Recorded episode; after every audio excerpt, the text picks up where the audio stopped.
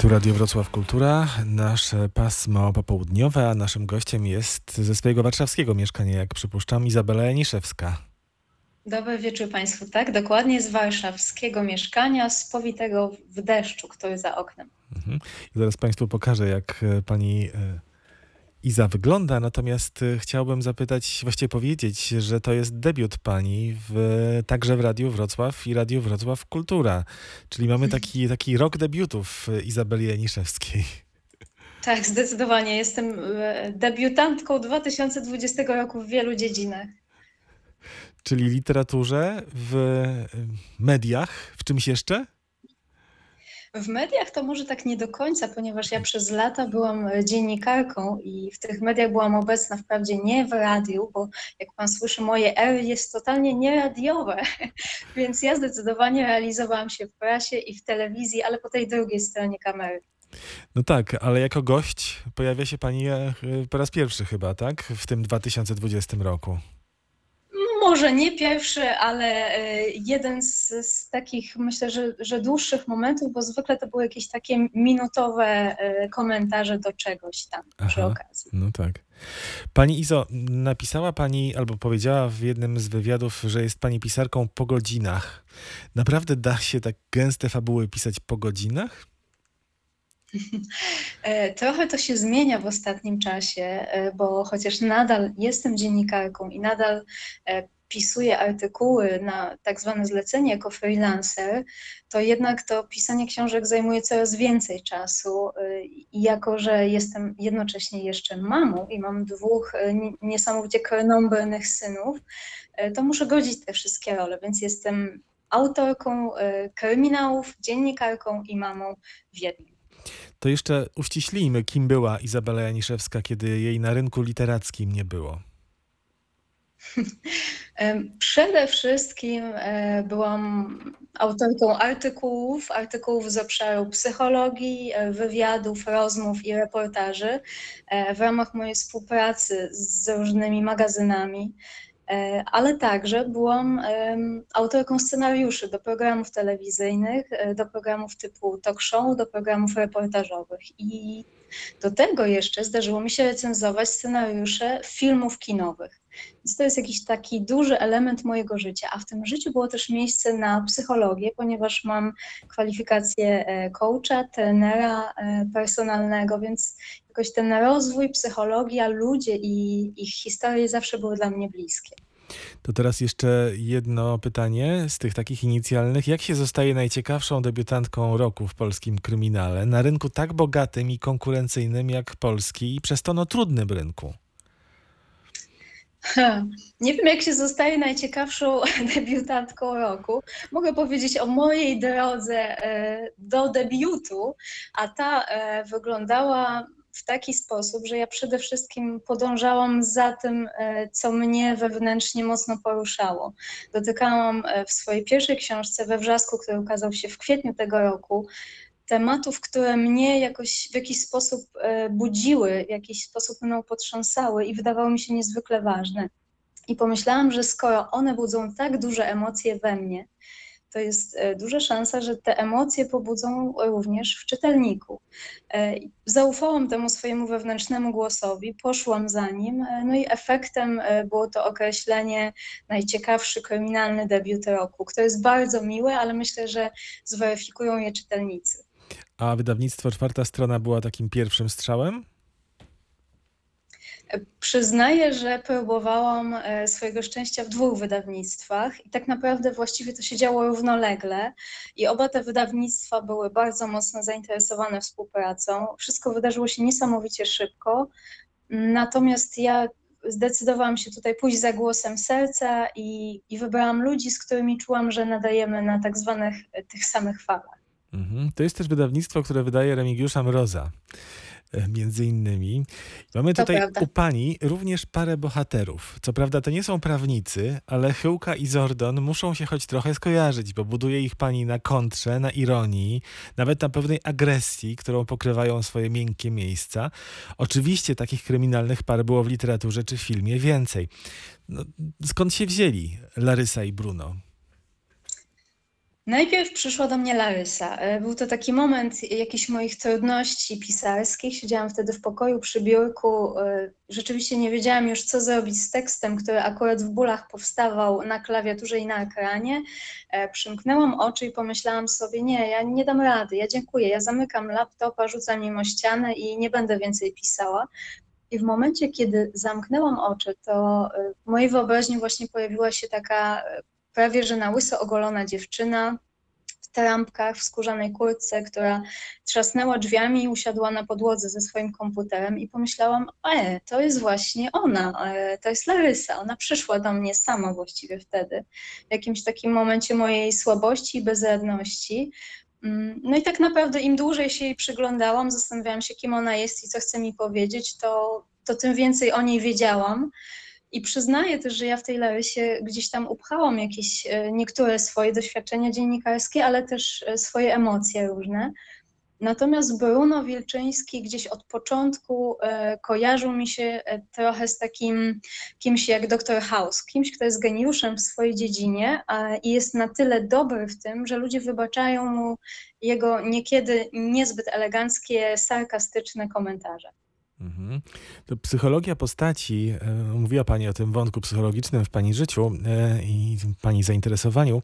Psychologia postaci to jest jedno, ale w ogóle psychologia właśnie jest w Pani powieściach e, bardzo ważna, a nawet powiedziałbym, że decydująca również o popełnianiu zbrodni. Tak, myślę, że w dużej mierze wynika to z tego, że mnie jako autora, mówiąc kolokwialnie, nie kręci, nie fascynuje płynąca krew, odcinanie kończyn czy jakieś brutalne sceny. E, Mnie dużo bardziej interesuje to, jak w człowieku rodzi się zło, skąd ono się bierze, jak latami, kropla po kropli e, zbiera się w człowieku trucizna, która pewnego dnia eksploduje e, i zamienia się w jakiś potworny czyn, czasami jeden, a czasami wiele tych czynów. Stąd e, to podłoże psy- psychologiczne, to skąd pochodzimy, kim jesteśmy, nasze korzenie, nasze relacje, e, niesamowicie mnie interesuje, bo to wszystko w jakiś sposób buduje to, kim my jesteśmy dzisiaj. Tak samo buduje e, przestępców, sprawców zbrodni. Tak zwane społecznie ważne tematy w histerii to jest przemoc, zwłaszcza ta psychiczna. We wrzasku odrzucenie jest trauma z dzieciństwa.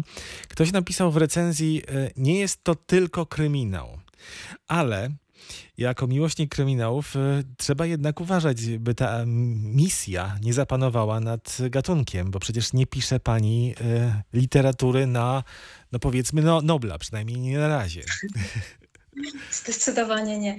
Jest to przede wszystkim literatura rozrywkowa, natomiast myślę sobie, że ta literatura gatunkowa, kryminał ma e, tak niesamowity potencjał przy tym, co przekazuje, że byłoby mi e, wprost szkoda nie powiedzieć czegoś więcej, niż tylko zaserwować czytelnikowi rozrywkę. Że skoro już wybieramy się razem z czytelnikiem w pewnego rodzaju podróż, spędzamy ze sobą trochę czasu, i bawimy się lepiej albo gorzej, w zależności od tego, jak ktoś się akurat w danej książce odnajduje. Ale byłoby mi wtedy bardzo jakoś tak, e, miałam wrażenie, że coś marnuję, nie dając e, jak, jakiegoś e, szerszego obrazu, jakiegoś komentarzu do, komentarza do czasów, w których żyjemy. Więc ja lubię wciągnąć czytelnika w tę dyskusję, zachęcić go do refleksji. Czy on to przyjmie? Nie wiem tego nigdy, ale przynajmniej wyciągam tę rękę i pokazuję rzeczywistość, być może z punktu widzenia, jakich czytelnik wcześniej nie zna. A propos nagród, nagroda wielkiego kalibru byłaby spełnieniem e, marzenia? Przyznaję, że ja e, nie myślę na razie zupełnie o nagrodach. E, Staram się skupiać na tu i teraz, e, bo też tak wygląda moje życie, że mnie bardzo ściąga niemalże za nogi na ziemię i, i przypomina, że, że ta głowa, która niekiedy unosi się do chmur, powinna tutaj być i skupiać się na pracy, a której jest dużo, deadline'y mnie gonią, więc jestem właściwie obecna tu, gdzie jestem. Jeśli kiedykolwiek przydarzy się choćby nominacja do takiej nagrody, e, to będę wielce szczęśliwa, a co będzie, to będzie. Jak mawiają Włosi, que sera, sera. Fabułę bardzo skrupulatnie pani wcześniej szkicuje. Jest tablica w pokoju e, Izabeli Janiszewskiej.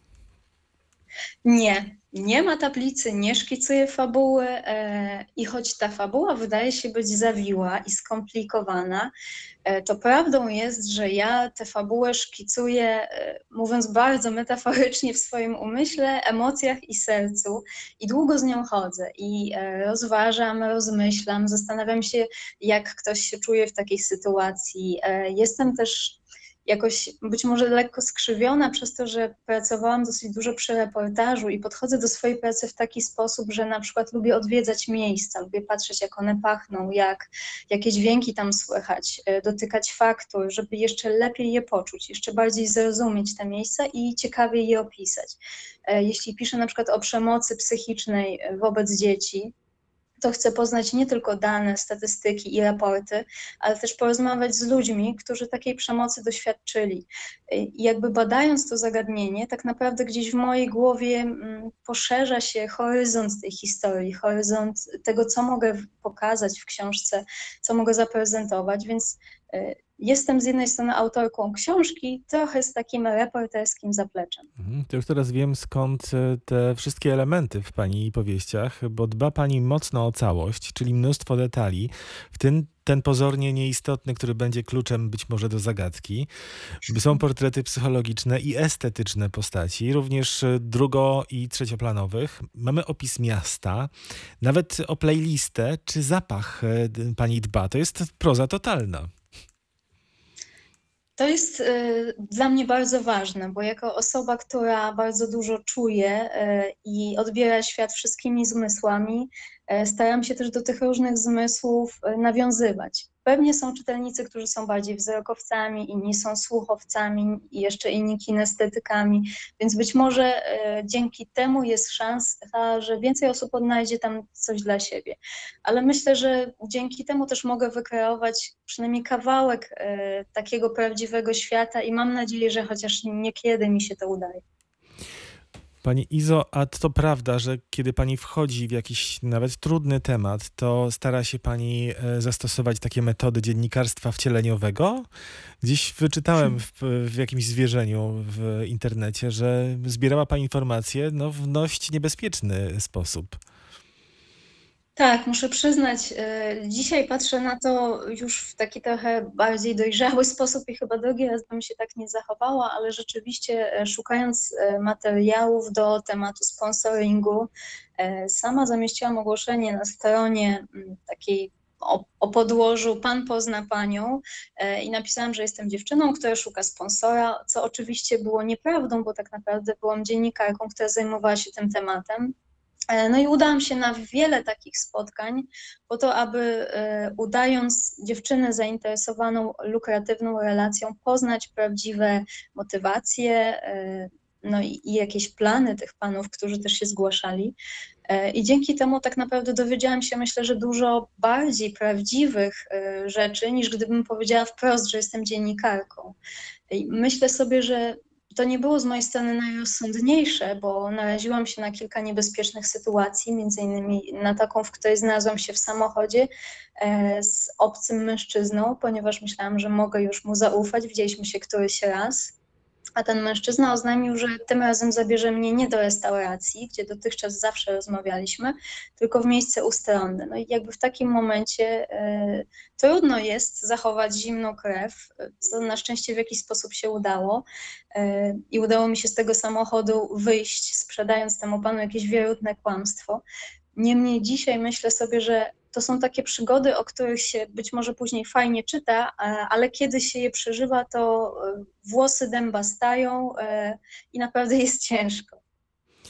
Tutaj za panią jest regał z książkami, no to siłą rzeczy trochę korci, żeby tam poszperać w tym regale.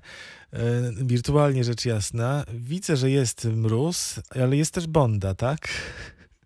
Oj, są wszyscy tacy czołowi polscy kryminaliści, tak zwani. Jest Robert Małecki, e, z takich nowych autorów jest Ewa Przydryga, jest Joanna Łoposińska, jest Małgorzata Oliwia Sobczak, jest Marcel Moss. No myślę, że mogłabym długo wymienić, bo właściwie są wszyscy, których, e, których znamy. Starałam się przynajmniej jedną książkę, e, kole, kolegów i koleżanek po fachu przeczytać, zajrzeć do niej, zobaczyć e, jaki jest tam styl. Ostatnio zaopatrzyłam się w Annę Kańtok, jest Wojtek Chmielarz, e, jest Małgorzata Rogala, jest właściwie pełno, peł, pełno ciekawych e, osobowości i tematów. Mhm. A gdybym zapytał o mistrzynię czy mistrzów w ogóle literackich, to kogo by pani wymieniła? Chyba nie mam kogoś takiego, kogo wskazuję jako swojego jedynego mistrza. I też może wynika to z tego właśnie, że ja z przyjemnością czytam różne książki i do każdej e, z nich, jeśli to nie są akurat wakacje, tylko to jest w czasie, kiedy rzeczywiście pracuję, podchodzę w tak zwany analityczny sposób. Mam taki swój specjalny notes, którym zapisuję jakieś fragmenty, które spowodowały, że ja totalnie wsiąkłam w daną powieść i też sobie wtedy analizuję, co się akurat tutaj takiego wydarzyło, że mnie to porwało i totalnie straciłam rachubę czasu. Więc jakby trochę podchodzę do tej lektury w taki analityczny sposób, może przez to ciężko jest mi mówić o mistrzach. Natomiast e, zaczytuję się z wielką pasją, już wtedy tylko dla przyjemności, w literaturze pięknej, w reportażu, w biografiach. Ostatnie takie moje mm, zachwyty e, to między innymi Małe życie Hani Janigiry. Książka już sprzed kilku lat, ale dla mnie jakoś wyjątkowo ważna i często o niej wspominam. No to zapytam wprost, panna Marple czy Hercules Poirot? Chyba Herkules jednak. Jednak. Ach, ten wąsik, tak? Pani Izo, e, akcja dzieje się w Warszawie, pani powieści, ale w obu książkach pojawia się w drobnym kontekście Wrocław. Nie Łódź, nie Gdańsk, nie Poznań, ale właśnie Wrocław. Dlaczego? Hmm, teraz sama się zastanawiam, czy rzeczywiście pojawia się tam Wrocław. E, No, wysyła pani nie- męża e, pewnej bohaterki na konferencję do Wrocławia, prawnika tak, chyba, tak? W pierwszej książce też pamiętam, że ten Wrocław zauważyłem. Być może wynika to z tego, że bardzo bliska mi osoba, e, moja siostra, mieszka we Wrocławiu, więc może gdzieś zrobiłam to zupełnie nieświadomie i nawet e, dopiero teraz to zauważam. E, To, to mnie ci- zaciekawia, więc myślę, że Freud miałby tutaj wiele do powiedzenia i że to ten motyw się włączył. Są rzeczy, które robię nieświadomie, ale są rzeczy, które robię świadomie i niewiele czytelników je wychwytuje i mogę tu zdradzić taki sekret, że moim wielkim zamierzeniem było to, by w każdej z książek i we wrzasku, i w histerii e, tytułowe słowo, czyli histeria i wrzask, padły tylko raz w całej książce. I rzeczywiście tak zrobiłam e, i niektórzy to wychwycili e, i też starałam się, żeby właśnie to słowo, kiedy już pada, to padło właśnie w tym najistotniejszym momencie i przekazało sens e, całej tej opowieści, jaki oczywiście był w moim zamierzeniu. No proszę, mówiłem o tych detalach, proszę Państwa. Jeśli ktoś jeszcze nie zna twórczości Izabeli Janiszewskiej, to warto powiedzieć, że czytamy od wrzasku, bo w historii są spoilery. No kilka ich jest, a wynika to z tego, że e, histeria jest dalszym ciągiem wrzasku. Mamy tych samych głównych bohaterów, czyli dziennikarkę Larysę Luboń i komisarza Brunona Wilczyńskiego.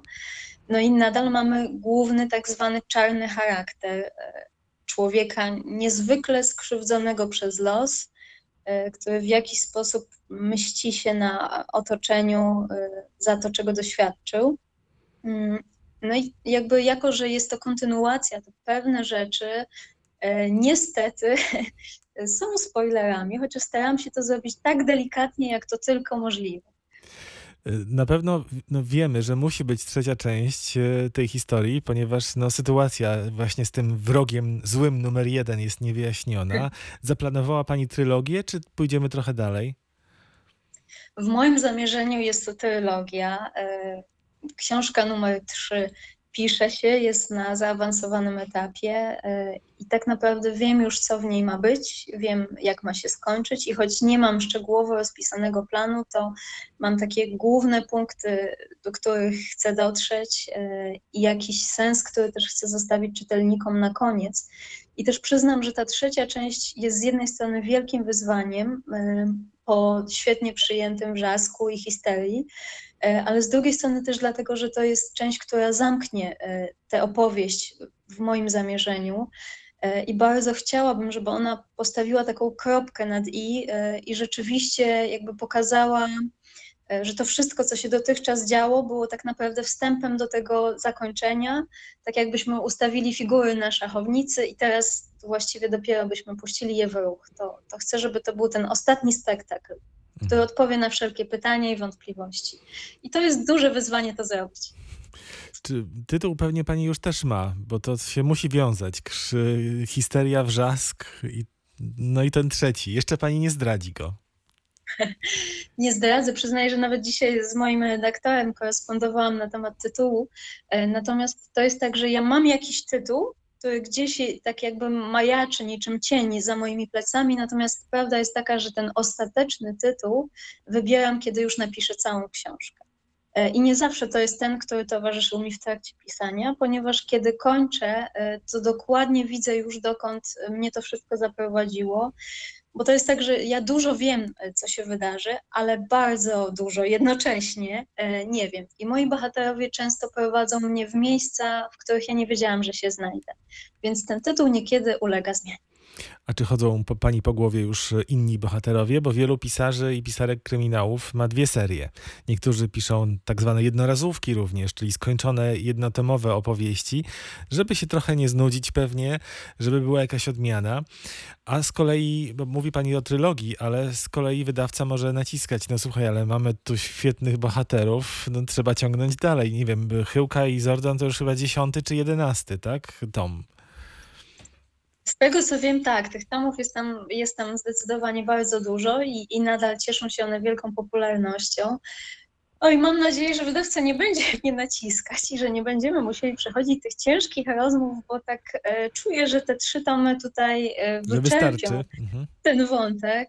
E, W tym momencie oczywiście, że gdzieś w mojej wyobraźni pojawiają się nowe obrazy, nowe postaci, nowe motywy, e, jakieś pytania, bo ja często też idę za jakimiś pytaniami. Jeśli jakieś pytanie mnie męczy, gnębi, jeśli coś mnie bardzo zastanawia, tak jak było przy Wrzasku, gdzie wyglądałam przez okno i myślałam sobie, jak to jest, e, jak się zachowują ludzie, kiedy myślą, że nikt na nich nie patrzy.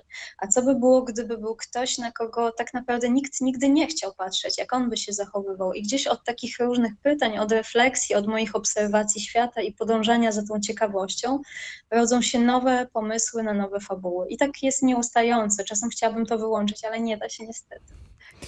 To jest też, myślę, że gotowy materiał na serial, może i jakąś serię filmową. E, Czy są jakieś już, nie wiem, impulsy? Ktoś się zgłasza? Ktoś zauważył potencjał?